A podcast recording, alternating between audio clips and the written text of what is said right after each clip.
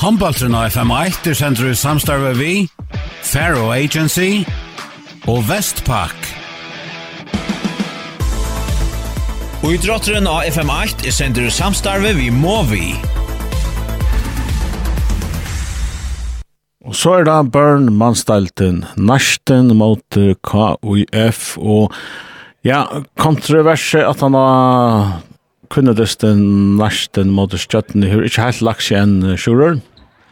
Nei, det var det det skal da sjön helt det var nöjd än det ända vi ett mal Amoni og en mal Amoni og så sjön krävt att han egal kommer ner hjörna och nu er sånn som kröster Scholver till att vi har bare ikke alltid ser som anställs någon så det då inte se om vi får en reaksjon fra Stjärn akkurat nå og och det som det så jag til så støvn og så skal man nesten vandre seg litt om mal og så tar vi vet av rønt og jeg skal ikke si at att kan inte köra på ända där vi att nästa vant han dysten och Jeg kan så se att for en här som pratar hur vi är efter det altså Alltså ända vi att Sjötna minkar ner i ett man av månader och tutsch etter, Och så vill jag Sjötna kan också ha att det ska vara dral emot nästan til där så sen vi vi jobbat upp etter, Och ända vi kastar mot en mal, men det har alltid är så skoda mal, det som mål med tänk. Men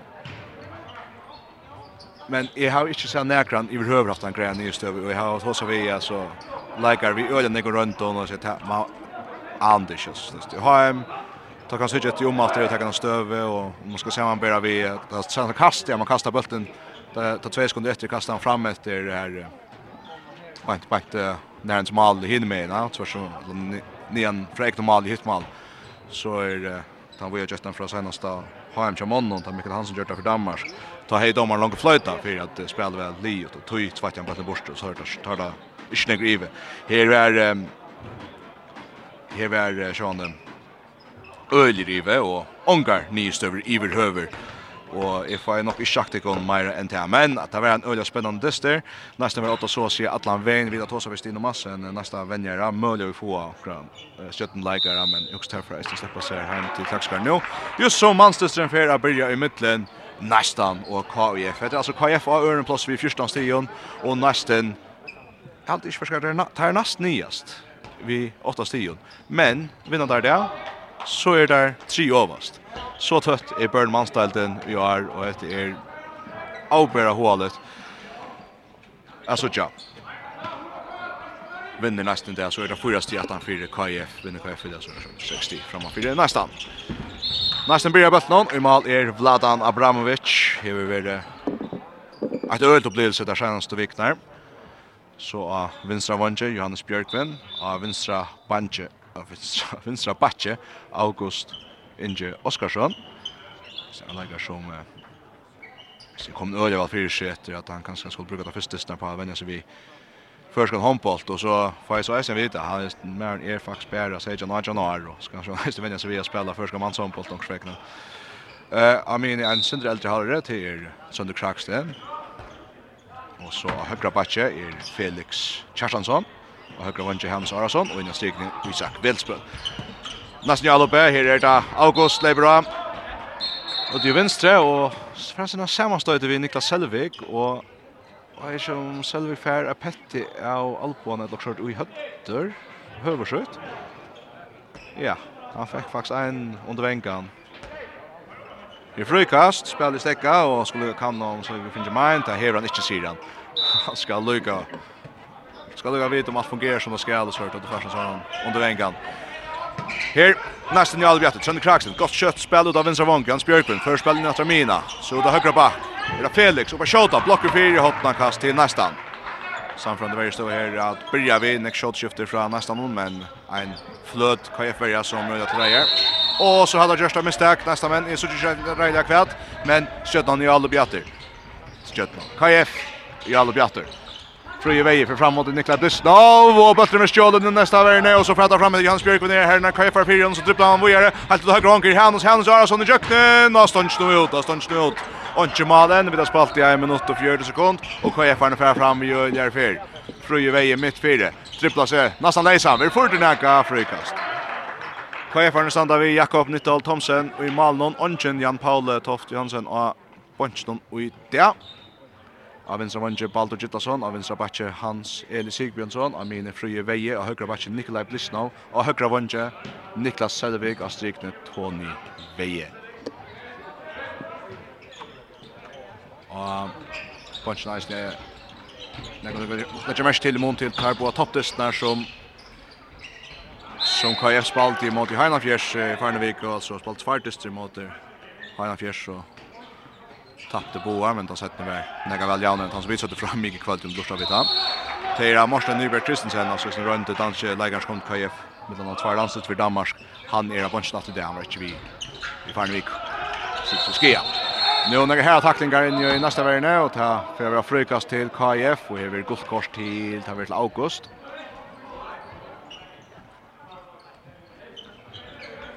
Framvis 0-0 vid kjøtt spalt i 30 minutter. David Edvarsen kommer in. Ja, som tar långt nu att han kan jag KF har och säga vi måste ha David in ner till att fungerar fungerer akkurat. Så Niklas sitter ut och spelar men jag vet inte om... Ja, Vet Baldur Gittelsson kommer runt där och Wönstrom. Trossal David mitt fyra. David vid rymmarskåte. Ölja. Fräckt skåte mitt fyra uppe. Släkt upp henka kraven. Bant om man för vägarna och så knappt och fast ner i hotna vänster med. 18 KF. David Edvardsen vid sin första mål. Går inte om han var inne. Första avlopp och checkar. Hade det var första skipa i allt där hötte så det kan säga det man att kommer in. Nej, Nikolaj sitter är ju inte i varje stöd. Först upp kameran där. Felix og August spelar saman. August bryter mot i högre her Felix. Vi ötverjan flott om han igen och skulle skifta Gongras inte sent. Trönter Kraxen i vänstra backe. Innan Björn Släpp fram vid David Edvarsen och Rallo checkar bra från Trönter Kraxen. Ja. Här var det. Här har men kan vara Lifela Edson och David också. Det är ganska bäst förresten. Snäll legendariska nästa linje för Konto Johnson. Still going strong. kommer se om der. Bajvi. Ein normal i där. Att att med den nästa nu. KF KF ju alla på bollen gjuta så nu man bröder jökna till högra backen. Kemmer vinsa vanje runt om så lägger han trust mitt fyra. Så ska han krossar till backen där. Hes för sen har möjliga Scholbrook så heter det bara. A crossing kanske skjuter som man ska alltså röna för Scholbrook. Vi är tacklar ut högra backen. Fröje vägen mitt fyra. Karl högre till David Edvarsen. David dribbla inn i mine. Innan striken etter velspalt, Tony Ferran, og så er 2-1 til nästan. David Edvarsen via assisten, Tony Veje. Så för nästan hiver. Her, August, Will Trønd, Sønder Kraks, innan strikna, fantastisk spalt, og Isar Frakra Pedronon, og så høyre han i Mali, Jomis, tvørstreie. 2-2, går håndbolt her i høtten i Halse. Isak Vetspøl, som nu vill ta som om Tarja, gamle gärre, så är det en av de blå unga upplevelsen heta kappgrar Isak Vetspøl som Jaunar Arn Hansel Sigmundsson kör rulla kött där och skorar vänstra backe för KF tror jag till KF Hansel Sigmundsson och så kör nästan fotla för att det hem igen. Höra presser från högre in mot dominen som Kraksten August Inge av vänstra backe så trönter mitt fyra att August August fyra röda av applås brottskast och utvisning till David.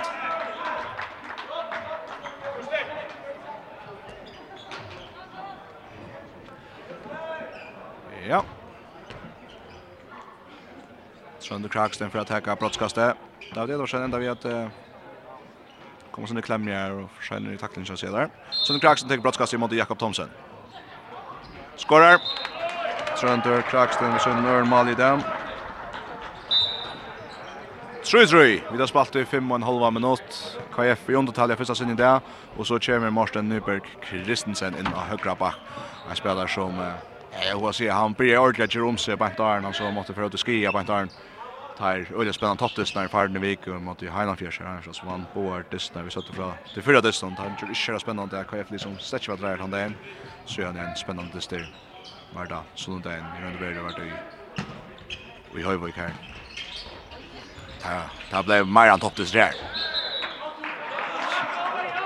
Ehm, um, och min chef Inchakta så är Rasmus Söpi, han är inte spel spel förr och det ser ut att han är till innan tog Så han vånar bara att här kan det ganska vara för att vara okej, men han kör inte vara till en operation. Första nation. Han ska kan han snö och så rynkar så ska han fick han fick vär. Inte hon alltid bästa igen jag för mat. Det är svart visst. Nu kör nästa vägen väl Lotta Rasmus Korsne. Vinner där bulten. Framvis 3-3, men nu kan nästa pura flytta jökten. August Inge Oskarsson Och det samförande från Jökna vänstra backen en shot lobby så det kraks den främste med över för att checka en en spelare kanske tvär till så en steppar han vidare till Ungo Istadingen August Inge Oskarsson flyr Jökna skorar väl. Han lägger som Orja. Så jag vet kanske inte vanta och Det finns inte det att han skulle bli så stor profil på en av vägen visst det han var väldigt unkor.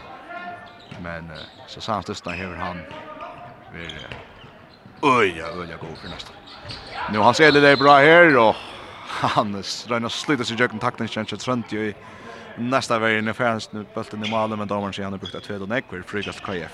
Fyra tröj till nästan.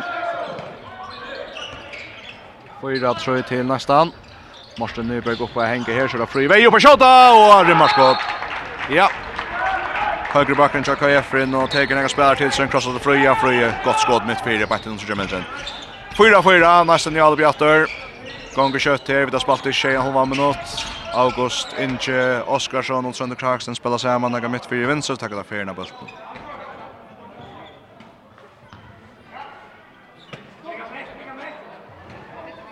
Och skilt i att eh, nästan inte så, så god upptakt just det någon till att uh, Lekar har varit rakt av corona och sätta allt det. Men, skulle det vara friska spela korsne. Sönder Clarkson. Björ en ena för det. Röna finna Felix Mauer Kjartansson och högra backe. Så att det vänstra back August Inga. Rösa för fram så första man ju med ettan stående vi Tack där Holkon Harst. Det frukas inte smart här. Det är Oj, ja, vi spelar alltid så nästa finns fatta här vänstra back. Och så snyggt Jonas bollen i mål. Skjuter standande skott med som av vänstra back. Därför bant om han för hötta överläggaren som mitten på Benjamin Alvera någon 5-4 nästan. Kaja Finnveien, Morsen Nyberg, resten av plass innan stignet, det er velspalt, Tony Venser, og så er 5-5 fra Ligger Håndboll i Jøten i Halsien denne affæren. Ikke minne avhørte leikar som Kaja Farna finnes her her ved Morsen Nyberg Kristensen. Og så Sean tar at det tar alle vente her vi hva sier. Tony Veie vi så innom Øremal i der vi da? som har graver sig att det som tidsmär som har störst talent i vänstra backen att han skulle vara så ung att komma till förskan handbollt ur stått Stottligt. Skor två mål där August Inge. Oskarsson. Så är det Kvar fatter, nu skjuter Morsten mitt, jag skjuter av högra backe, men skåd ju inte särligt, skåd ju inte särligt, tar framför dem. Nästan jag hade vi 5-5. Nästan ut och högra back Felix. Felix bryter in mot det. Synas Sigrid dras på. Nej, och så Frackers Fältron i frikast. Kan jag fan säga att eh det skulle inte vara helt dörr. 5-5 i mitten nästan och K oj F Nutje minutter og halvt trusje kont færen her av fyrre halvleitje i midten nesten av KIF. Tveili i kvarsen enda av stiet halvene, men stiet halvene er så mykje tøtt at Nästa kan alltså spela sig näst nedersta upp av tre översta plats. Så från satta till trea plats vi en sikt vidare. Nu får KF fädra bollen i Merlin. Så fäller kött till med nej och så fänkar. Nästa värjan bollen till Hans Arason som är fänkad. Kastar fram av vänstra vanker, Går plats till Hans Björk med hans brattla vägen. Oj, vad händer här i Merlin? så KF. Fröje och Tony och Hans Eli är i attre attre. Ja. Är i attre attre men tar har vi chans efter Örsyn av in åt någon så. Johannes Björkvin pura fröjer och han skorar väl 6-5. 6-5 till nästan. 6-5 till nästan Johannes Björkvin som vi ser den första målet. Shot upp här. Det är Mackaren högra vänster. Hans Arason som har fängat bollen. Han sänder han väl fram till Johannes Björkvin här. Inte helt kosse. Inte gå om att här skulle vara en fröj vanker. Marcel Nyberg skjuter och är spetare så bättre. Löjskottan häver knappt mitt fyra standande. Och det stryker bara inte i målet. Så vet sånn Kraxen hiver. Offras ju över tacklar Halkon Harst och Ov Harst i Adaisne. Är halt kanske till Morsten Kristensen uh, Johnson där. Ja Morsten Nyberg Kristensen Johnson satt där. Då har vi lika prata om hur Harst då är.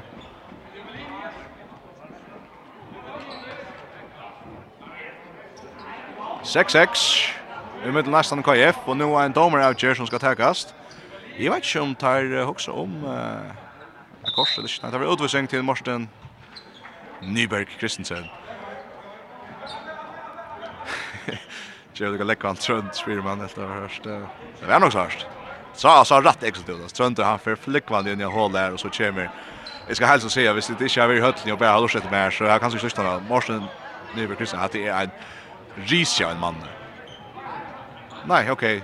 Så det är Tony som för ut för synsna.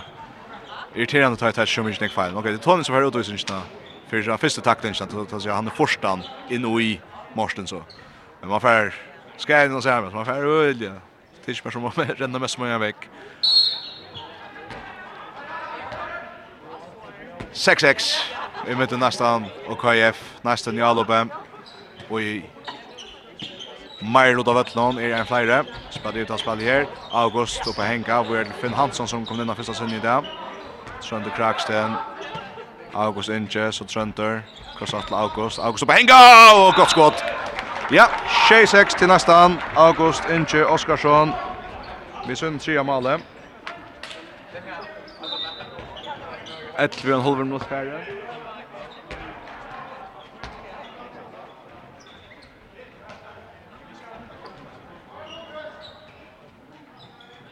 Og vi får lykke å få mer opp i koppen. Hva er for alle på? Dissen mista sindra fer. Det är som det är som vanligt att sender ta i han blir inte står här fer som vi kommer vänta. Men man ser det spår om man det så kommer tempo skjuter åter. Det kommer här från KF David Edvardsen ut av vänstra back. Han ser det. Han ser det att han stämmer kökna. Nej, han vill akkurat takta. Han så som kommer backa väl upp och högra vänster för här förra fyra.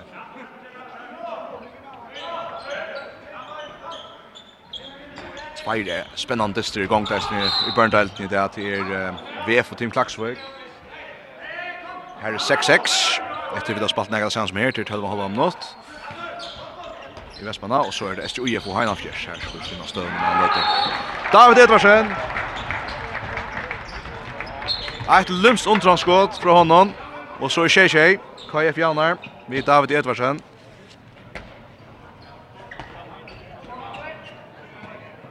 Anna Mal til honom.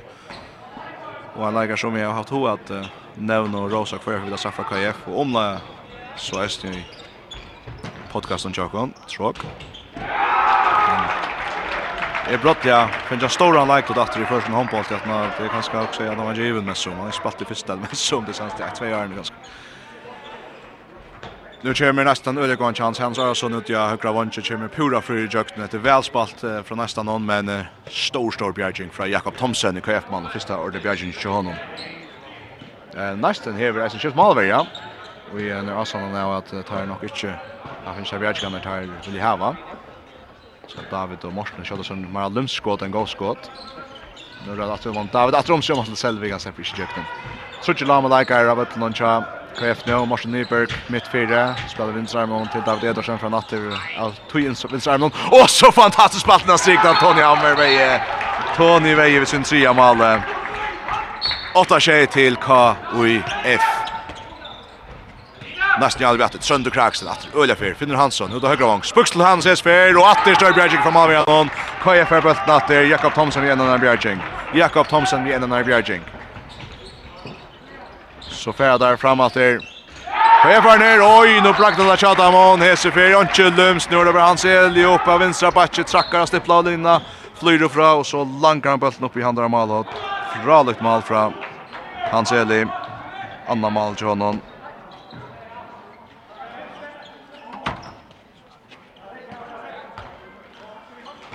Nästan skiftet mål var åter Peter McLeod redan han. Jag vet inte vad var vi lade han men han så kom in åter. Nu tjej KF här vänt i Holland.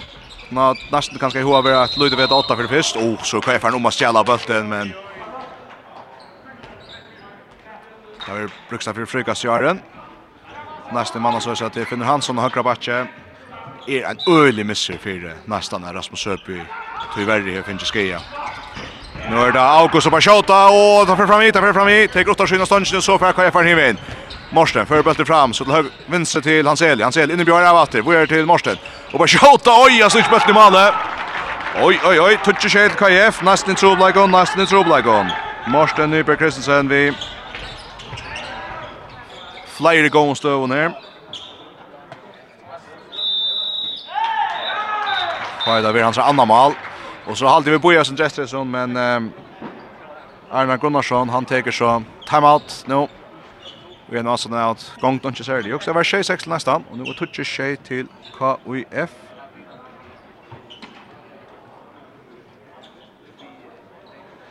Og vi tar matchen där. Som vi ska göra der tjej malene tja nesten om til August Inge Oskarsson ved tre malen, Sander Kraksten 2 mal, Johannes Björkvin 8 mal og Isak Vedelsbøl 8 mal. Så fyrir KF, David Edvarsen er kommet av 2 mal, Tony Veie 3 mal, og kanskje det ser det sanns, det er tveide sanns fra honom fra Mjord, oppspill fra Mortene Kristensen som finnes 2 mal eisne, Frøye Veie 1 mal og Hans Eli Sigbjørnsson 2 mal.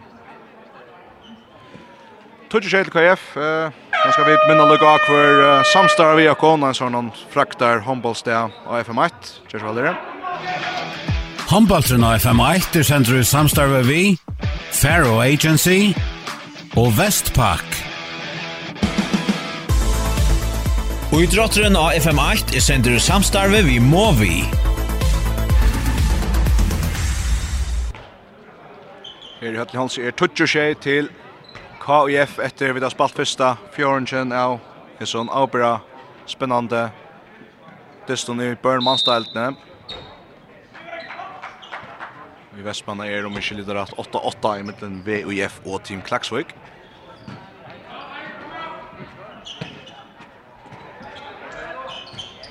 Nesten i alle bjer. Felix er kommet natter, spiller sammen med Finni Hansson. Finni Hansen her. Så er det August av vinstra batje til Felix Midtfire. Finner Negger til høyre. Kjører noen mål der. Skal August da atter fra vinstra batje. Inne Bjørn av. Brønna stepper bøtten av strik. Han slipper ikke fram. Men til Østen til at Isak Vett spiller strik. Det er Hilden som ikke nekk. Og til er for Rui kast til Næstan. Finner Kiva spiller etter Johnny Clarkson. Her en stek. Så er det Finner av vinstra batje. August Amine. Og det løvler ut mot høyre her. Felix må Också ser syndrom och så missar bollen. Och så gång i med Selvig. Pura fröjer. Skorar 11 vår tjej till KF. Hetta var samförande. Hetta var samförande. Bultren inte mer än uh, Brukslar nier och så det åter Morten Kristensen som häver Svartjan bara fram i allop åttan Så han huxar inte ett sekund av att just kvar Selvig. Så gott ut till KF det. 11 skjut till KF 16 minuter tredskund färden. Första mål av Niklas Selvik. Så han Hans så. in mot venstre. August. Oj, det tacklar harst men uh, rätt sedan. Frukast till nästan. KF vinner Rian Rejan enda nummer 4-4. Men så braktar Tja nästan hon och till Finner Hansson upp och hänga mittfyr langa bulten i nätet. Kvar för himmen, det går gröda kött. Kör kött tempo kött här från min ut högre så tar det för nu.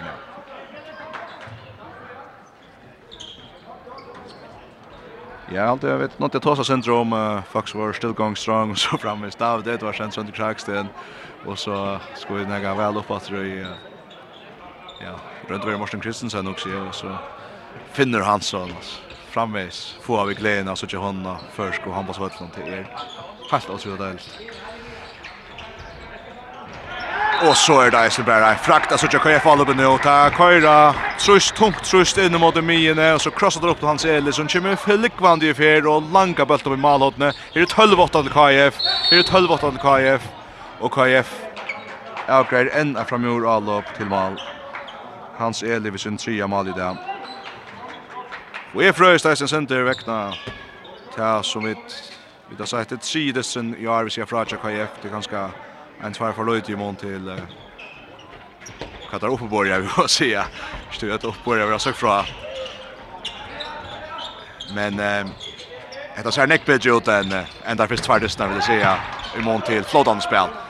Och nu får nästan häpna med sig här. Det finner att det skjuter mitt fyra. Go Bjarge från Jakob och i, och i Malnon. Bulten stöcker ut av vänstra vång och här är Johannes Björkven pura ensam atler och så sätter han det första nästa mål i länga länga tog i målet stående fjæren fra at ja, det var 6-6, ja da. Da gjør det finner rundt fjæren fra man noen tal. Jeg skal rette på meg selv. Her er nødt tall til, her er nødt tall til KIF Johannes Bjørkven. Sette bølten inn etter en retur. Anna mal til Johannes. Selve kommer rundt av vansjen, så enda David Edvarsen helt ut av vinstra bakke, så finner Morsen helt ut av høyre vansjer, Hans eli, så kan det ikke bli mer kreativt. Hans eli Elia høyre vansjer nå, syn og fjorda malet. 13-0 til KIF. Nå kommer minutter farner. Og nesten slipper ikke kjøtt i all opp. Det ser veldig godt ut til KF vil säga. Og så er det i mån til at nå er det jo i Kotla 4. Men den er fyrra topptesten i mån i Heinafjers her. Tajek. Pura gale. Um, jeg var... Ongen livande chans att ta finnes dit han dagen. Detta ser nekkbedre ut. Haltan uttrykk. Hålet. Nästen, ja, vi öliga klart har utsikt att sans lötna, men senaste en viknar, men nu skulle där komma sin igång där där och det var en trobolt till hade August Chem till en chans mot Damar väl kanske sent ut i högre, men inom 20 meter och långa till Jakob Bjarkar. August ska så vara så mycket kröstat här i frukas nästan från undan nästan varvade bulten 13 nudge till KF finner kröstat August August på att skjuta och är så för långa bulten i mål igen en skottet. Nästa för mål 13 touch August in Oskarsson sin fjärde mål. Så kommer KF för natten. Morsten pressar in mitt fyra. Hickar ett nu och blir frikast. Så avvärs är han han får bara in. Sparka sig in och så gör sig också ofta. Kommer eller kött aldrig. Och så så får han skottar med Stenfjärd kommer skottstöv så lägger han så fram vid mjättan där och värläggaren in till strikspelaren. Det så ettens akkurat inte. Men det är Afrikas KF och Tony försöker sitta ändå att Hammer kommer in. Morsen alltså björ out. Han ser innan sikta här David ända höger och så Bjerga Vladan. Här sin tror vi får bollen under kontroll David det var sen och så tar Färran så hur Vladan just vinkeln också Lutland. Sätter han touch till KF nästan ettans nu vinner Bjerging att Karskom Chadamon. Här är Sverige en mån att Jakob kommer sen till bättre gång till KF mannen än uh, nästa lägger Ero. 13 touch till KIF. Og i holdet noen her, så får vi da höra en reaksjon utenfor fra neste venner någon noen som vi har prata vi kan skal få prata om hva 17 lekkere, och i stretch någon här om vi heppnast av center 13 toucher KF KIF alltså ett öl drama i kvindestolen, ända vi var 28-22 till nästan här 17 mycket månader sista sekunder så vill det ha nesten drala og neka sette spall igång gang til då drama om. Det er Halt i nästa allo blir att Luna sin efter men uh, Jakob Thomsen han bjärkar öle väl ta August i nästa lopp de släpper till skott. 13 touch till KF. 13 touch till KF. KF att jag loppe. August Inge Oskarsson rönns vi skott uh, från vänstra backe. Halta ser fram fram det ut men Jakob Thomsen vi stora bjärk. Går man vart här finns här i. KF. Alltså Dam kommer in och löter Morsten Nyberg sätter sig han löter. Sätter sig åtta tillbaka. Så han han har alltså inte spelat efter på den vägen. Här är Sibjörk som där var han. Samslättna. Så kan jag fatta jag uppe. David Edvardsen och på shota här för go go block för ju till er. Unche höje likaren Chanastan och Isak Vetspel som för handla för. Hodna kastar kan jag fatta kan jag fatta jag uppe. Sätter han toucho spelar väl att Romsö. Baldur Gittlason också spöks i köknen. Vladan Bjergar i nästa mål någon och nästan fer fram och röna kvar en ärbilch här. August Ingebjörg är från första mannen ut av vänstra vank. Johannes för köknen. Oj, räckar. Vant i andra till allt det, men detta blir en Bjerging. Bjerging till KF. Jakob Thomsen i Bjerging. 13 touch till KF. Tjej minutter og en 20 sekunder etter å spille fyrre holdet. I halte neste allopp er Løstan Neka, men tar fors mål mot Jakob Thomsen. Himen er Vladan blir taggas under nästa mål. Någon tar i Karsko med Taimon, få en av unga leikar innan bøtlen med til er Johannes Kraksten Johannes Kraksten Jeg kjender vi spiller som Sørgjøn Brillon. Og her er Rimmarskott skal jeg se Her, Hans ser Sigmundsson innan Bjøre og hva er for med Gjerne Hauer skal brottskast han vil takla vår men uh, domaren sier at nästa menn har takla røtter med i marsje og så er frukast KF 13 touch til KF Men det som är Janan ser här en Simon malen han löter att han nästan när KF för att renna sin runt han och alltså är bra mitt fyra. Kör till högre David. Längt ut höger vång Cedric så blir jöknen. Kör bort in mot minja till David Edvardsen. Och på en gav vi Asa Asa Weird han ser det han ser gör vånchen på Gittason och han skorar väl. Oj så här Asa fingilt. Här är första touchet till KF och Asa Dam han uh, vänder sig åt Det blir ju alla samma tacklar Karlfringarna tar det för helt av högra vånge och om man har vänstra vång och Asse han kom så inte fötter på den vägen. Sparkar sig till bättre vett nu så tar båda från gåum för att Bo det inte fra allt och ringon. Fjørstan touchet til KIF. Vi tar spalt i 23 minutter og 41 sekund. Er vi som dessen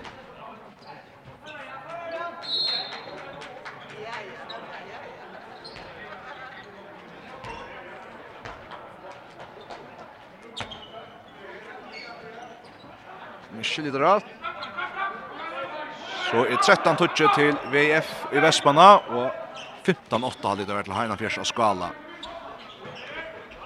Så er Eisen Distri i gang i Vaja det der, men den VP og EP, han skulle få, få greia målet. holdet. touchet til KIF her i Høtlinja Holse. Nesten Lebrano over Johannes Kraksten. Mitt fire, finner Hansen av vinstra Batje, Felix Mar Kjartansson av høyre Batje. Så det är Hannes, i mitt fyra, finner. Hötter, innan sikna och Isak Färs Petron, Jonsson kröstar bulten här, här är malkast. Ivutrak hetta. Här är Ivutrak och tog malkast till KF. Finner en, ja. Så touchar bulten innan sikna. Men uh, kommer också inte till Isak sikna Nu är det så Isak vi tackling av Freja Vei i ända da flyger till KF. Fjärstan touchet till KF och just med HC att nu har kommet til nummer Maraglia. Alla på nästa någon så. stekker sen dropp här.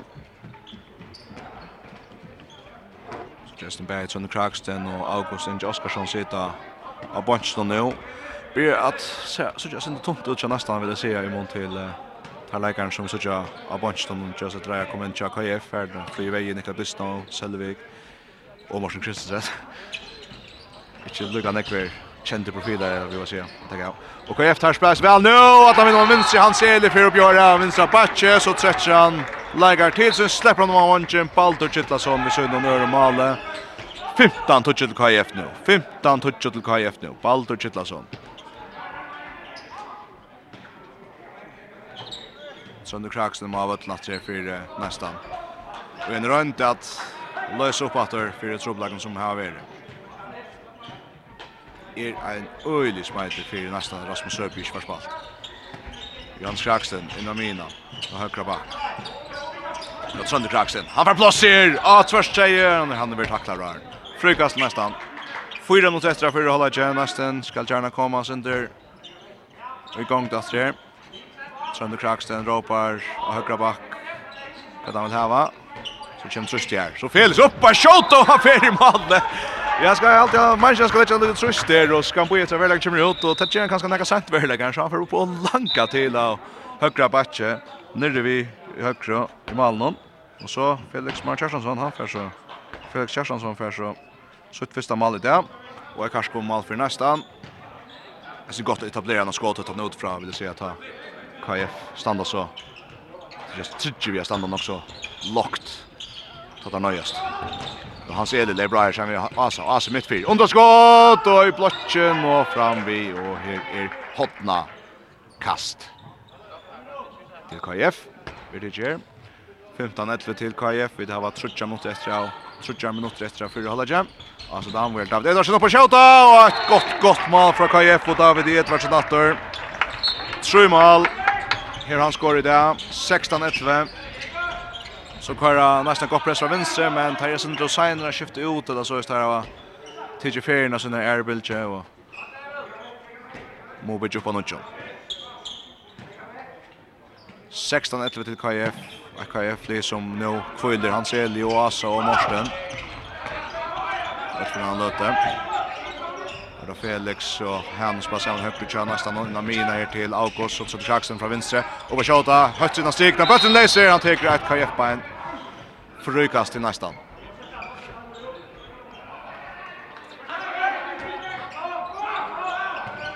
Larsson till Kraksten mitt för er uppe Henka och i blotchen och på inte fänja Malmö någon Kajfan så bara köttar av så rör det går fram efter att han skulle ta just till att här var det två nästa man två nästa men om Baldur Gittlason som har fram fram och köttar upp och tar på sig för att Felix ränner för så väntar sig vi och så blir klöckra han får bulta på inte fänja han rundar hem av värja Ikke super vel avgrett av KF Malmö redan her må jeg si. Ja, han har gått så litt etter at han stäv väl han låter nå. 16-11 til KIF. Nej, men 85 för skott efter. Oh, Felix Kjartansson, han har funnit sig kanonna fram nu. Att bara skjuta också bratt högra back i högra hand och han hit mål åt Nesver. Nere vid vinstermense. Tvärsta målet.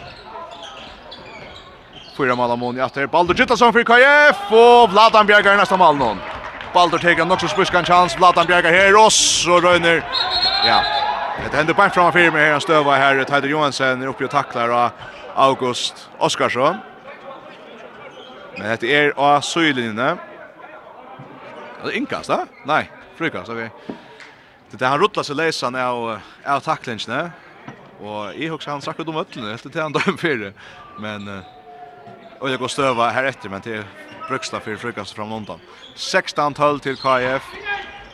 Sønder Kraksten, Weird Felix. Og han ser bra til fryr Felix. Og så bjergjig fra Jakob Thomsen. Ja, Hesper slapp han pura fru i jöknen. Men Jakob Thomsen skjuter, ja, Är Det är en sån kliché som frasen man säger. Han, han läcker anled i, i, i händerna. Och det kör han bökstavliga. Han är så sån Felix. Han var så pura, pura läser. Alltså fjäder anled i handen tar en ratter. Han var så fröjer och han räkar och stötte på en Jakob. Så kanske mest att Jakob är rakt den där gamla. Vi får anlutta stekk her, Arne Ferdel Hollag, sier 4 sekunder etter av fyrre Hollag, og her er 16 tall til KIF. Nesten, som fikk sin gang til Felix her, men ikke skårer her, til sans løtna. KIF som hever røyla samførande i alle oppstøy særlig alltid, men det er slags ikke man sier at han nå nesten kanskje heller ikke gløy så vel i langt løtna. Prøv ikke en malkjøtt noen, jeg har vært nok snekver, så det kan vi omkring loppen. Jeg har August Inge Oskarsson av 4, Skottsen Kraksen av Tveimann, Felix Mar Kjerstansson av Tveimann, Finner Hansson 1, Johannes Bjørkvind 2 og Isak Vedspil 1. Det er 12 mål, det stemmer til nesten hånd. Så KF, David Edvarsen 3, Tony Veie 3, Fruje Veie 8, Hans Eli Sigmundsson 4, Niklas Selvig 8, Baldur Gittlason 2 og Morsten Nyberg Kristensen 2 mål.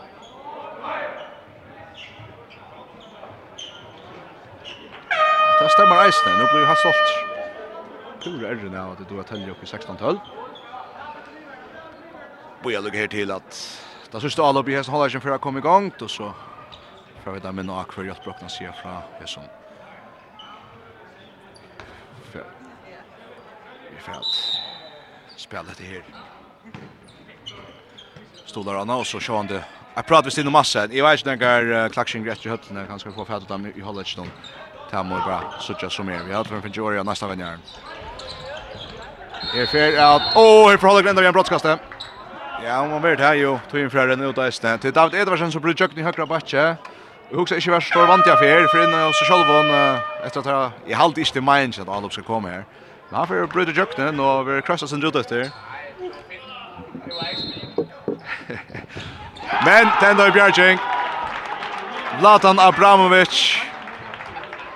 Bjarkar brottskastan från Asadam og så er 16 12 til KIF og det kan nästan kanske fekta sig syndrom at det ska inte vara värre til at det är KIF det som behöver grett rätt om henne. Bäj all uppstöv och värre stöv och det så sälja i både mest ju. Det är att Brighton kör KIF fast det skiftar näck vi åt men hitch ut av nästa bunchen Rasmus Söby er simpelthen så saknar över. Hela så synd at Felix Charlsson är komna skjuta en en två gås skott och skulle jag sen finns jag tror jag bänt från undan som jeg nevnte. Så, så jeg nesten har møllegar, men KF hever, jeg synes det flere vopp, la meg si det så leis. Her er 16 tøll til KF, for i dag så satt vi fra en øyla dramatisk kundist, enda det vi har vært i midtelen. Stjøttena og nesten i SMS-deltene her, nesten spalt seg opp på et fyrbils andra plats. Vi pratar med denne, vi stinner massen her og alt det her. Og møl og sånn, kunne vi ta høyre. Stetson her. Vi var atter her når man har løtt atter her for først. Ja, og ikke lille land, vi tar en spennende prat til settene, Sjurur. Ja, takk. Her er settene i Hållagur. Just byrja år i midtelen, nestan og KIF og Hållagstånden var altså 16-12 til 16-12 til KIF efter KIF hej över KIF hei över nega ja, och så jag ska bli om master. Här är 16 12, här är 16 12 KF nu efter uh, gå början och KF långt bulten åter här i sidan hålla inte. Vi har spalt i halva annan minut sidan hålla inte. Att KF det som vi börjar ja just som här vi var säga, just som vi såg då i förra och den går man och David Edvardsen. Han han är väl för mig sen jag för när vi nästa någon och spalt nästa så det vi nästa annan nu för han upp.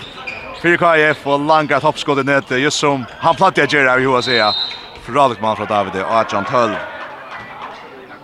Og Adjan Tøll til KF. Etter han tykker smeit for nesten at blir satt noe vi har fått tvei mal jøkken på en av veien. Et nesten allopp som av Oliver har sagt saknar Rasmus Søpi. Og nå, Helms Arason spiller høyre bakker. Nu kommer en av mina. Och til tida väl hela man en back. Här bakker. Her er det mest som bär Rasmus Søpi Sands Sandsjørn. Tyk Karl Marsen Olsen. Ikke lamor, men spel høyre vanker. Det er han så eist gjørst ofta. Eist nye vi stora rettene. Oi, August Inge for atlan veien sjolvor, men så bjerga malveien, så bjerga malveien. August Inge Oskarsson bryter ulja vekker til kjøkkenen, vinstra batje. Ser oss han fram färre, men Jakob Thomsen, han er så eist nye prikken i Tja KF. Han er bjerga ulja vel i malen, og tar så nesten kjem til Mølagar. Nesten all bjatter. Felix Mann Kjerstansson, han ser pura frøyre. Jakob bjerga innan affär, Jakob bjerga innan affär. Atter pura, pura frøyre Felix. Felix men Jakob i Störbjärging. Och att han tar fram till KF, KF i Alaba. Fri i till vänster, Hans Eli, Hans Eli mot Mine. Fri, fri, Röjnar Brodde Jökt mitt fyra över, tacklar över Frykast till KF. KF skifter ut så kommer ganska lycka täcka alla uppställningarna som där standa. Jakob Thomsen alltså i Malina huslagt ut den här i det hur han haft. Av vänstra vantje, här är Jonsson i Kerbeck kom in. Här var Baldur Gittasson också i Atlant förra halvlek så Hansel Sigmundsson av vänstra backe. Alltså Damma Mine. David Edersen högra backe. Vi var rull högt. Det vill tjäna tatt i Malle. Nästa vän också. Niklas Selvig högra vantje. Nu då David Edersson lägger press och till Hans Eli. Hans Eli bryter emot där. Högra till så David och skjuta. Vladan Bjergar i mål. Vladan Bjergar i mål. Så ett nästa chans nästa någon så skulle för hem i nästa. Felix Bryter i målet. Finner han Hans Arason. Ett starkt riktigt. Så drar Hansa press i målet jätte. In mot min. Här Felix. Weird Hans. Hans är plats. Han jöknar för där. Han skorar korsnen. Angel Sink. 18-13 til KUIF. Hannes Arason vi Male. Hans Eli Sigbjørnsson, vi er til høyre, så alle vi om han og høyre vanker. Selvig og Vladan Abramovic, vi står her i Bjergje for nestan. Hesen høttar tørva nestan menn, så får jeg ta kjøtt frem etter. En KF er manglar, så da Felix Midtfyr, bøttelen sitt leser, Hans Arason fenger han, og så støyder det skjermann. Svar nestan menn, Felix Kjersansson og Hans Arason. Ja, Ja, har danset, det er kjølket han derfor var faktisk under vengen av kvarnøren. Det är okej. Det blir näka klötcher också. Au, Hans Örasson, han ska lycka som han ser sent. Men, Ajan 13 till KUIF. Nästan eh, Ölja, kanske kommer inte ta hem och få två bjärgar från Latan och Ölja går och stöv nästan annars. Men så sitter vi hit på bunchen så ser ah Martin Nyberg Kristensen han förlorar resa sig sen dropp och stretcha armarna där det så touchar sig nu färgen natt. Han eh, Och tror jag tror det här vi gör Gerard Chandler måste. Så det är Hans Arason, uppe skjut och han trippar sig läsa och över pengar. Frugast.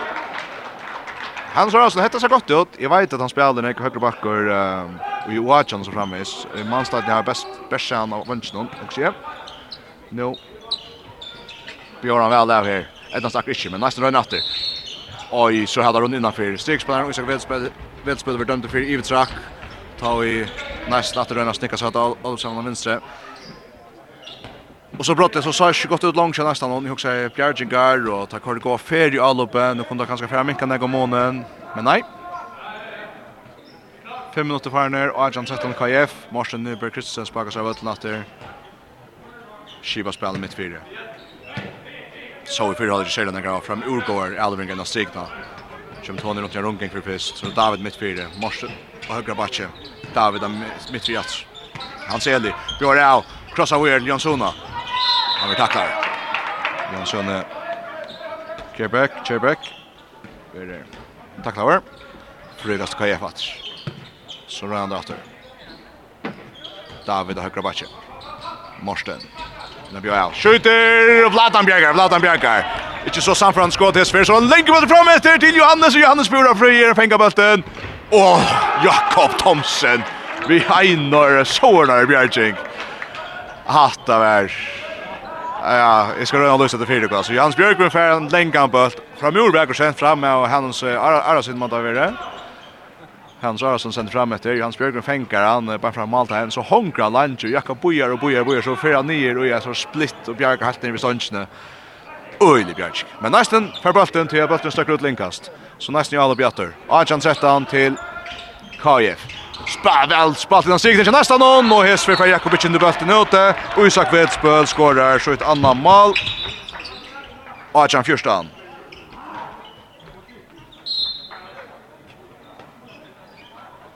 Och Achan Fjörstan till KF.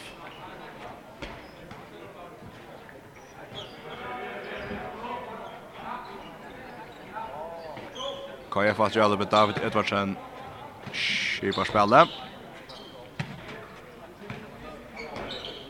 med Morsten. Håkansson, Morsten Nyberg, du så säger han Twitter, jag också så som kände danskan handbollen från på shot efter. Åh, lägger sånt ut och nästa har bulten.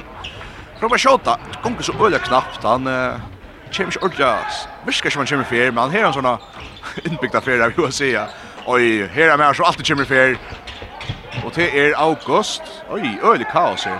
Skjuter Jakob Thomsen Bjarkar och så får Jakob Thomsen skjuta ut efter spelten. Och så kommer han längre bort fram med det Selvig Fryer. Og Vladan Abramovic i Bjergjeng. Her henter det nekko på en gang. Jeg vant i fåta vi. Først ender en Bjergjeng nere i KF-malen. Spille, ja, Sønns Trym hvor skal ha bølten. Jakob Engran sender han veker fram til Niklas Selvig. Men Vladan Abramovic i neste mann. Han er kom fyrir seg her, så han holder ikke. Spille mest vi tvem styrkspillere nå, neste mann.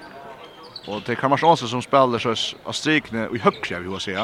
Och här ska Hans Arason så arbetar Samuel. Nu har Felix, Felix innan strikna. Bollen läser. Han ser det framför tripplan fram efter finner Selvig i högre. Han vill ansar ställa fram i första mannen och skorar så tar han händerna i Jesus skottar lopp någon. Ölje färdig och Timebaum Niklas Selvig och Hans Eli Sigbensen inne. Hans Eli för dribblande först fram efter är också avvärst det att han inte kan fänga bollen. Bollen vill läser så får han alltså han tar kanske i handen. Han börjar dribbla. Och så dribblar han fram efter. Tvär mot tvär mot. Annars spelar han tjackar sönder in till hans Eli. Så sänder över till Selvig. Första mannen, alltså mannen som ansar, ansar honom. Så han fröjer. Nu är han fyrstan till KF. Niklas Selvig. Sönder Kraxen kommer natt i nästa avloppe. Hannes Arason har högra batche. Av vinstra batche Augustin Oskarsson. Han högra vange Karl Martin Olsson. Av vinstra vange Hans Björkvin. och sticker nu sig vetspel. Nu är det August. August, super shot! Och Fyra det dribblar och vi tacklar. Spelar tackla över Frögas nästa åter. Är det nu inte fjärsan KF? 8 minuter 45 sekund färden. Sund Kraksten. Oj, missar simtan bulten och så får Ada kött in. Han ser det ut till vänster. Jonsson Kirpek dribblar sig till sista på Leisen så får han kott. Han vill ansar men vill tackla vår, och så tar han snajsar fram vid mannen och så glyr han och missar bulten. Nästa släpper sketchen här. Och med en? nästa missar han. Nästa missar bulten. Jeg er sånn bench att at jeg tror ikke neste leser kan komme inn etter en dysten om etter etter fram. Det kastar kjøtt Alo fram i høyre. Hannes er fryer. Nei, Johannes er fryer skal med. Han Men bulten er annan kvart ikke noen eivor, eller hever Johannes ikke venstrebått bulten og nå tølja. Nå er han fyrstan til KIF, Hollywood touch tutsi minutter, holder vår tutsi minutter for herren, og setten holder ikke. David Edersen skjuter, Latan Bjerg! Oj, men så ändå där vi att Atli Hammer hur det returen. Lätt ner i högre, nästan högra och så skorar han väl här efter 20-14 KF. Och så spelar nästan väl på tror slid om han vinner vank och så stannar Johannes och Färra men så färra returen här efter ta räka stunchna. Ta hever han tracka innanför det. Ja. Hetta sin tas som om det tasen tror jag fylgja vi till här vi själva. Så är det som händer till KF skorar. Ofta og nesten skår ikke. Så jeg vet ikke om jeg har sagt han mer anfallt enn til. Morsten Kristensen kører henne hitje bort til alvering fra høyre av bakken og venstre bak om et nesten det edelig en chans. Rønner om alt til KF. Morsten peikar røylet. Og så hadde hun innan fyra strykene. KF er ned. Neste for fram i albatter, neste for fram i albatter. Hans Rarsson högra backe, Felix mittfyrre, så August, August är blåst, det väl välfärd och Arja Gastonsen här ska vi göra brottskast. Men det här sen tror vi får bulten i målet nästa men att Ulla välfärd, August Arja Gastonsen ut och så ser han över Orekar i skottstunden. Så brottskast till nästan Trönderkraxen teker. Som är störst gånger så sitter man nästan också att uh, Jakob Thomsson får börja ta brottskasten i Västnäm. Sønderøyner. Skåra väl, skåra väl. Fram i mjötene. Han må være noen. Og så enda bøtten dykst ut vid Sandstad. 20-15 til KF. 20-15 til KF. Neste minkra sindre månen. Glödje Lorsland hever la mest at jeg har vært sindre Iva Sammer. Så jeg først løtene, og så har jeg ikke til at vi etna oss til at få år av 17 venner han eh, til bedre. Og det ble et avhåvers prat som tid så får jeg høre etter en av dyrtisten og etter vi da prater vi KFR og næsta menn også. Annars skal alt høres så tråpe med få sett nytt ja. Det som vi dags for å ta oss om etter disten til er KFD som er øyelig valgt hånda når det Hans Eli Sigbjørnsson han endte ut i høyre batje at det er så langt han hopper skått inn øyelig velkost. Og trolig flott maler Hans Eli. 1-2-15 til KF.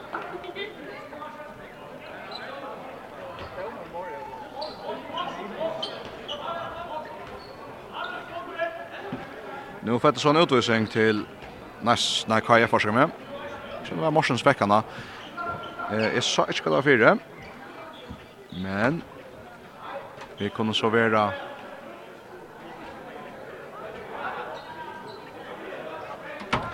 Vois oi at Alltså här är det sån kaos att nu kvar sker. I haltet här som är hänt det är att Bale Ja. Nu skulle det först då ja. Och inte vara cashier simpelt. Nu får jag lugga fundera till domaren för att prata vi um, domaren för att prata vi uh, domaren bara. Och samstundes så Er strøy vi strikspensjon nesten noen, og stora verlegaren om Morten Kristensen, Tjekk HF. Och så enda vi er bæge, og Isak nästan under Morsen Jack Hef för Västra Vötle för att ströja. Så spelar 5 mot 5 i alle oppnå ner. Men spelar 6 mot 5 nästa men tar ta mal vem Nilsson där. Felix Ölega plats tycker inte är så mot Abir Nilsson nästa men. Här är Roger Arason kom in av vänstra vång. Spelar till August och är Felix så till Hans Arason har kravanje. Det här bara så är två borrar om Schwarzenegger. Så så så ut i utförandet av venstre högra vänster. Och så Augustin Joskarsson via någon rymmar i marskåte. Det gick inte så det här nästan någon i allop någon där spel i uttal och Michelle kvann annan men så Augustin som tömde sig matchen upp och langa tid ett knallharskott. 16-21 minkar månen till 5 mål av månen 21-16 till KIF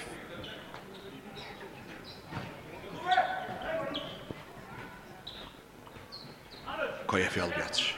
Marsen Krisse i Namina. Hans Eli, lengt ut av vänstervang, der speis Sittas Så Jonsson och skårer vel, Jonsson i Kerbeck. Sindemar Sanfran det tar spel från KF och inte minne effektivt. 22-16 till KF, 13 mot Farnas 17 håller jag. Nästan framme, näket trubbel går. Og om til bare nå, er det bare lørsta, så er støvan altså til han at Rasmus Søby spiller ikke håndball for tøyna, til han finner en ringa, ringa skia. Han er næka så saknar av næsta liv, til er ikke i støy her, er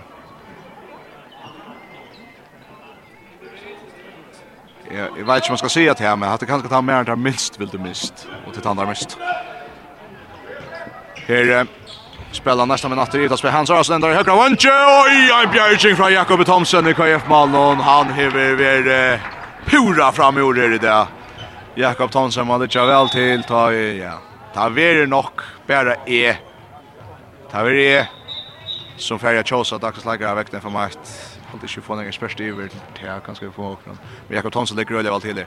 Nu händer nu öle skil stövar till nästa nästa tror jag att eh, Isak Vetspøl er om av vera livet sin utvisning, men han er, han er utøllig inn i av så han fer en nutj. Han fer en nutj utvisning.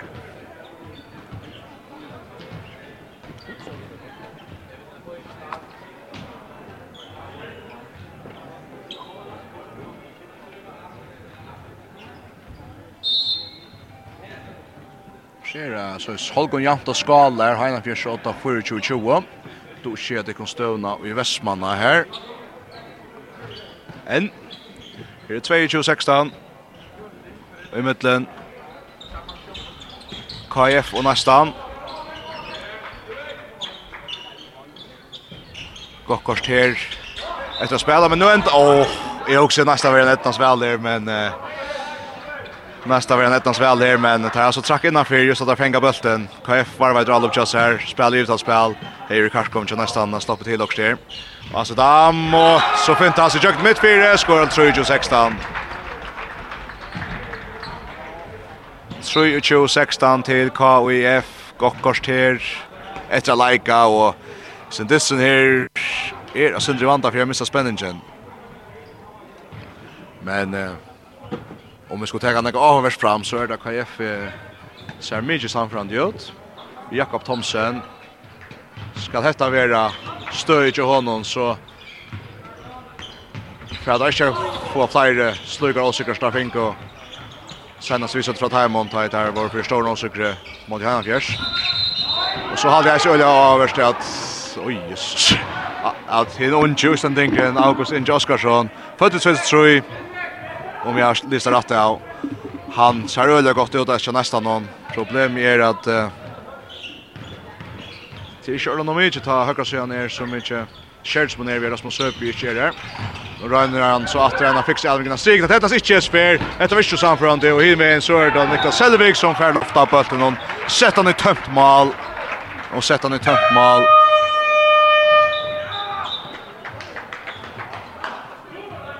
Og så er 24-16 til KIF.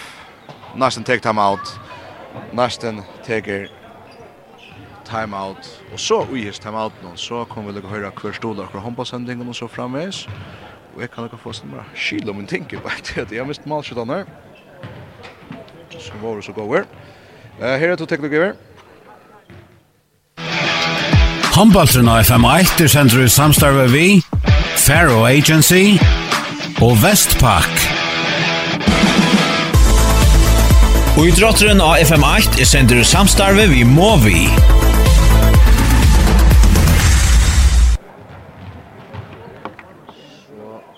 Så er vi datt her i Høtten i Holse her er 4-16 Etter en som er ikke få fædre av malskjøtten Og i tider om grenslest Jeg skal si at her er kanskje kommet igjen bimerskjene Og det er sint i koronastånd som gjør at det er sint ensomhet fra søkken Noen akkurat nå Og til nekka vi at Skal jeg passa sammen med noen øron koronakanningen og så framvis. Vi talte nu. Nei, jeg var frastøy akkurat nå, men derfor har vi da bøte på setning for den går løsning på det. Så titt må nøye seg mer her, en disse som er vant av fjerbløsen, det er OA har der. Og det som er alltid nok sant vi tog i, det er at för touch den så jag var i kalla för Atlantis så var näga så ospännande ser fra. Då var det KF som tappte störst att av Atlantis den. Här är KF som är åtta i mot nästan någon. Nästan alltså som er en stor troblad fyrir der. Jeg, jeg, vi har sagt at han var i beta, og det så øyelig godt ut til dem, og jeg heter at spela vi topp 4 som har vann jag görst. Nu er ikke ju langt, og det er Sean Tøy at Rasmus Søby er simpelthen inte spelförare og kommer han ikke og omkväckna kommer brottliga fyrir seg, så blir det trubbel till nästan til som restaurerar kappen där nu. Så så kan i hans Arason och högra patcher Jerokst Så nu får jag att rockera bunchen tja Örnlin.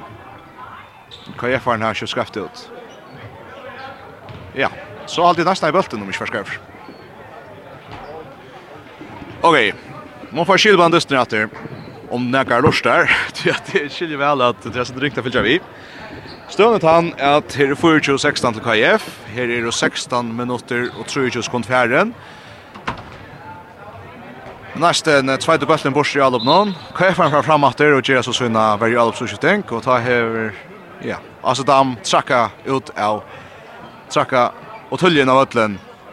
Og tog fer nästa bollen og kvar fram utvisning. Hetta er Möbo Lai Jin. Tja, nästa när kommer in inn att Gina dysten. Jeg tykker det er fast og vant av det. Jeg tykker ikke at det er så nek som vantat då. Nej, det är Möbo Lai Jin. Her at vinner seg her i uttalstøvna. Få har skapt. Einar goa trygg. Og som sier, så skal Vladan ganske tega om Tutsi Bjergsgrad i det, så, så er møla ikke nær. Annars er det ikke snakk som Bendrata.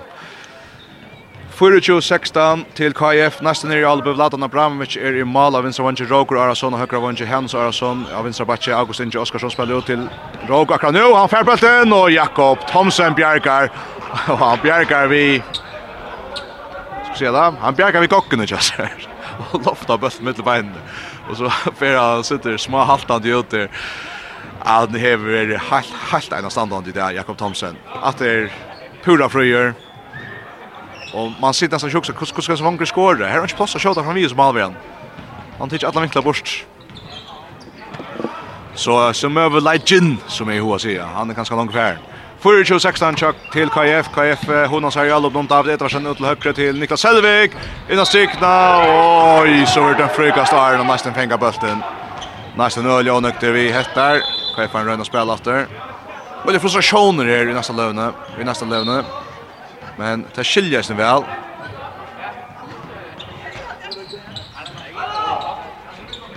Han ser det Kigvin som bra är för KF som Niklas Selvig in i minne. Tripplar näkert högre Ryan han mitt fyra plus Nico Otis till KF och alla benåt att här uh, spela. Vi näkon skiftar. Och så är nästan bulten. Nu är vi rätt utsatt innan strykningen dock så. Nästan fyra lopp, 18-4 vid åtta malon. Tar här var 12 mot rätter. Hannes Arason och högra batche. Tvarm Tvärmstyrkspelaren till Karl Martin Olsen och Isak Vedspöl. August Inge Oskarsson og Felix Mar Kjarsansson av bakken og så vinstra vantje Roger Arason. Og gå sent ut til Hannes, Hannes pura fryer, og han skorar, og han skorar. Vi ser nästan vant det at Jakob er større på et her, men bøtter for midten på en. var skorar Hannes og Arason. 24 sejan KF. Hollywood 12 minutter etter håller vårt tolv minutter efter att spela. Här har det gått. Augustin Joskarsson av Vinstra Batche. Han har varit i HC att Axel med över. Ulle går han på helt till Vinstra Batche om han högra vång och han har kuff över att att spela sig i Hans Arason och tek Texas just rätt tyna istället.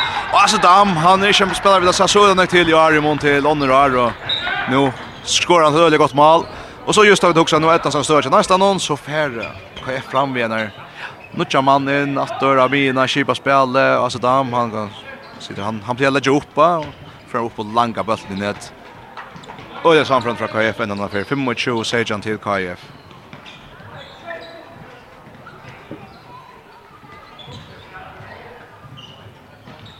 Nästa jag blir att Chen Kraxton kommer nåt där. Finner Hansson kommer nåt där.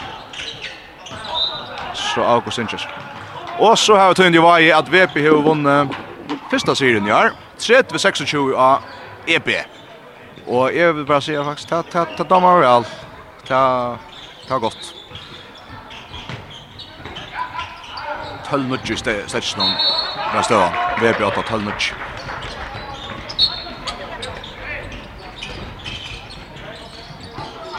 David Edvarsen um, fra Kjøter KF. Annars med vi tar oss med til. så har nesten en annan for uh, Tvettan Bøtt Borstør. Her er nokje meir som eg skal læra navn i Acha KF. Det er ikke veldig gledet. Han er det Bardam, passar. Så det er ikke så nekk når vi skal lære av unge spillere KF hvert år som ikke omkring hinnom ganske.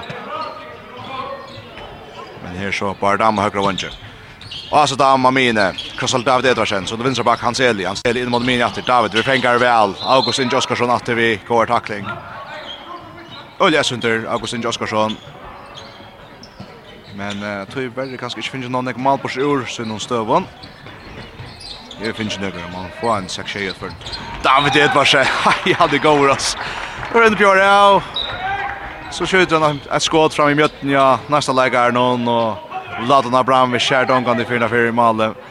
26-18 til KF, 26-18 til KF.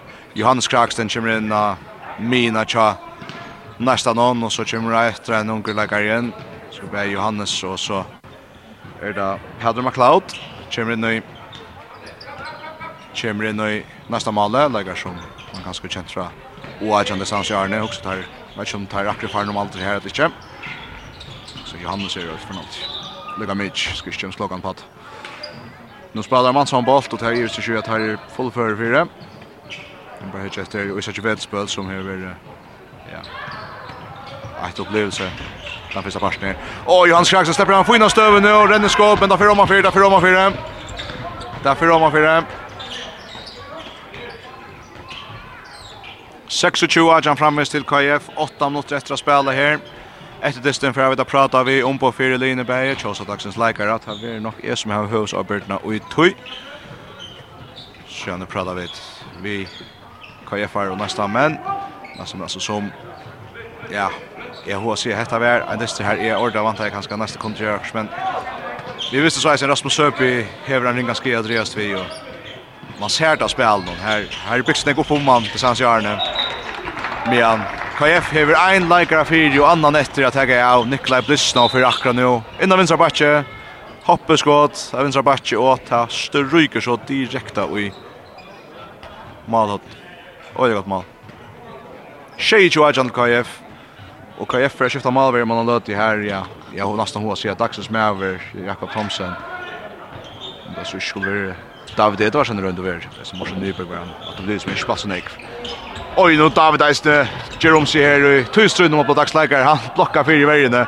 Ändå också till vilda leva i bulten stöcker läs om åter och nästan för fältra honom. Shea Joa Jan till KF. Jag vill säga att han ständer mer i mitten. Jakob Thomsen og David Edvardsen, Tjekhoev. Så nästan er det eh, Augustin Joskarsson er veldig greit mest jeg synder. Nå røyner nesten spillene strikene, bøtten kommer ikke fram, KF benker han. Så får jeg fram at det er David Edvardsen, Nikolaj Blisnov, tega ferien av bøtten. Og så er det at det er så her, ja, så er det at vi skal lære navn, ja. Og ikke minne gledet, han heter Roe B. Davidsen. Sjekk som er omgangsen før. Men han kommer inn i malet tja KF. Fyrir Jakob Thomsen, som fyrir ut i en av stående smøylig. Han hever spalt en framjordist. En framjordist. Asedam, Leibra. Så David Edvarsen. Så... Missa der ferien at det dags øyelig godt. Og i hånds og dommeren kommer opp, og så vender han dratt og kurs. Kommer Nikolaj Blista opp at det, og... Han släpper Horajas här nu under Clive Lissnow och släpper att Langan kropp skott in ända så att nu. Och så är Tucci Malamone 8-20 till nästan. 28 Achan till KIF i måte nästan någon. Nikolaj Blissnow vid Öljen hoppskottet nästan till. Där ska vi prata om uh, vad det kommer få på sjurus så sen slutna till att uh, här ser han ut. Her er hver uh, Hjaltbrokken ser for håndbolten.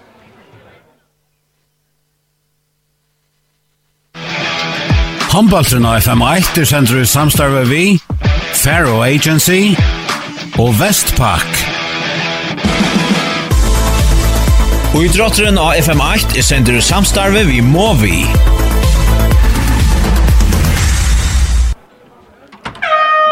28 18 til KUF her i høttene og Holse. Nesten har tidlig time out og nesten hever eisen Givis Garvin Ivra i hoa sier til at her er ånden som er greit som heldur nesten kan få en ega borsi ur her og til at det er skiltas hans løtna.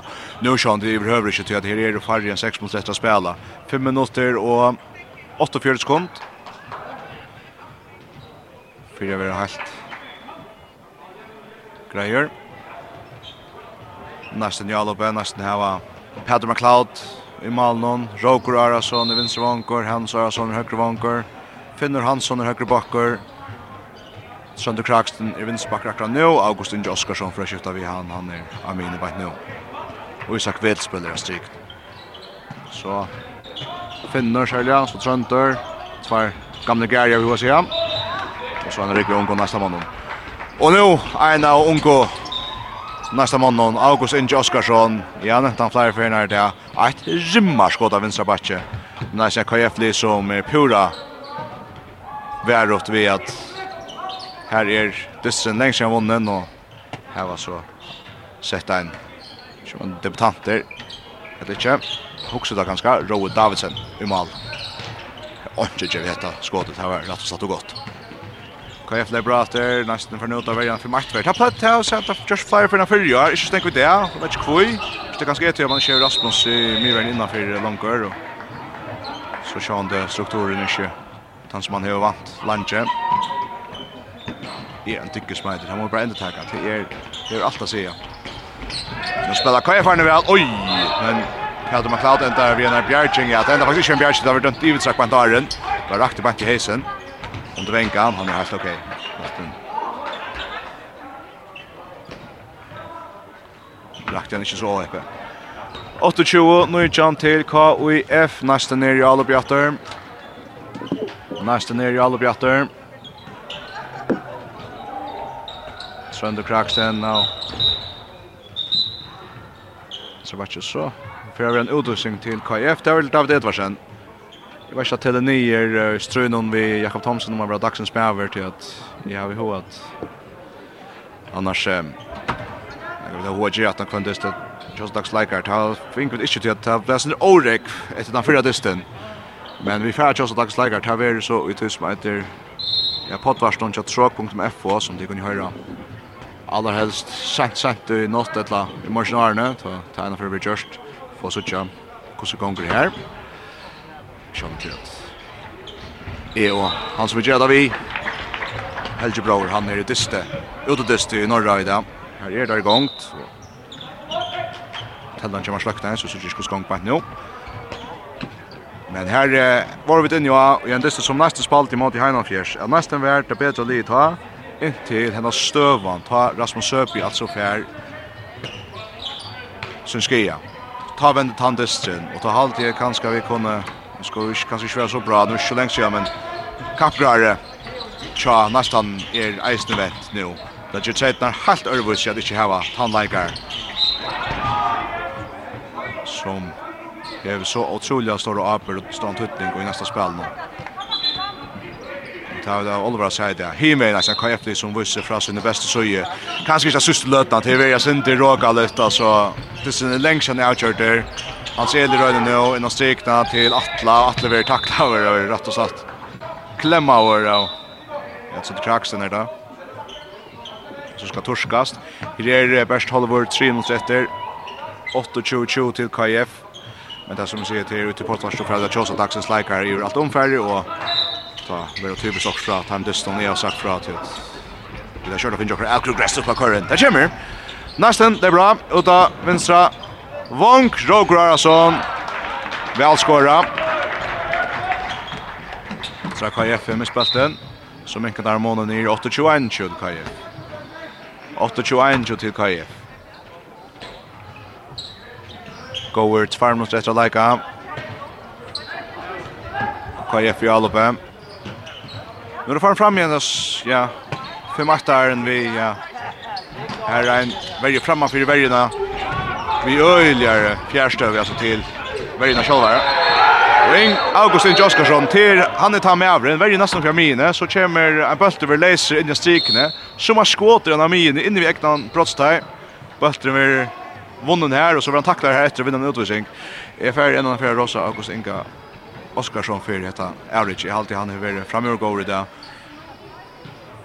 Urstökan så som så. Jag tycker han kom upp på fytta Malon.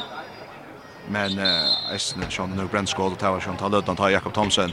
Inte lödan malen han får att bjärga för nästa månad.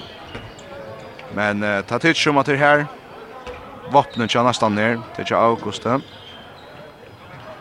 Så Och några gammal Östendinger som kom ner till förra Tidsmar som har största talent. Nu får han bara natt sig. Och på Henka! Ett rymmar skott åter. Längt upp i målhållna. Rowe Davidsen ikke ordet at jeg ser spølt noen. Fan Jordum sier, August Inge Oskarsson. For så si at vi skulle nok til her i reion, hva er farne for å finne dagens leikar. Og her er mye meting så at det stender mellom David Edvardsen og Jakob Thomsen. Kanskje Morsen Nyberg, men han spalte ikke så nekk for det som hinner. Selvig skjuter her, høyre bætje, Peter McLeod i Bjergjeng, og så kommer, ja, en bøtt ut av Toma KF-mali her etter. Og Isak Vedsbøl er vekk noen brottsteie. Och etter så har du watch om all först så jag vet Rogo Arason. Dette er efter tid att det säger det hugger jag tränare og att han final i var ta vart alla Rogo Arason skorar på till Janne och så kör August Inge som ju är att han har så Pat McLeod i mål någon och Isak Welsbøl skorar nu. Och från gång för framtiden för en nästa noen. Oj, Tony Veje arbetar öliga väl strikten nu. Vinner bulten. Så sluter han så läser han hoppas han är pura ensam Och han ansvar så mycket fast att Han sa Sörasson ska visa sig vöttliga sin tvär minuter. Vi tar var 3 och 30 sekunder efter 9-20 23 till KF. En det ser nästan i hoa börjar olja väl och så kan ska ta vart 8-6. Så efter när löte Tja KF hade sälja löte här. Så måste Nyberg komma in att det inte så väl. Så valde jag öliga tråplackar för nästa värna. Och så Jakob Thomsen och KF för att här fink här fink ordla katter och det är faktiskt inte väldigt spännande så gärna en 20 minuter för att hålla sig. Ska nästan lugga hötte vet jag kommer ner i tre mål när fjärna. Nu spelar Schweiz väl och Isak loppar bollen in Hoasta Rowe KF mål ner och upp jag spelt någon. Dyssen er nå 22 24 Isak Vedspel ferdig sista år i her. Det er 22 24 5 mål av månen av KF, men jeg husker ta vær mer samførende enn så. Det var en dyster som var outgjørt for lengre tog Så jag har ju hur säga att nästa liv vi kommer på ända ta och ta samman om en annan fyr. Rasmus Öpi är sakna i nästa någon til må vara i beskriften KF finke nekva spela. Marsen Nyberg Kristensen hever sitter ute og gjennom tog vi skria. Veltlems ikke vi i timebanen som har taft i mot i Heinanfjers i farne vik og spalt i Aserbein mikvall og sommerkvall. Og han var vidt, han hadde han kjørt mån. Han kjørt Øljamån annars David Edvardsen att fram han fraktar så inte han alltså jag hur säger så som han flattar så inte han alltså att öliga brett gott avrik Jakob Thomsen jag hur säger han det vet ikke kanskje han flyttar ja kan kan få år, ja. Skal jeg helst kjøre chosa vekta FM1 og bæra vekta med. Vi får få oss Meira Kilo på från den som Meira eksperter in i Algerna Chakon på et touchpoint. Jag chosa her ved Jakob Thomsen til dagsens lägare. Han Hei et ølt avrik og i KF Malmö annars et størst, størst KF avrik. Nå er det ju för det tills man det kan løyte, vil jeg si.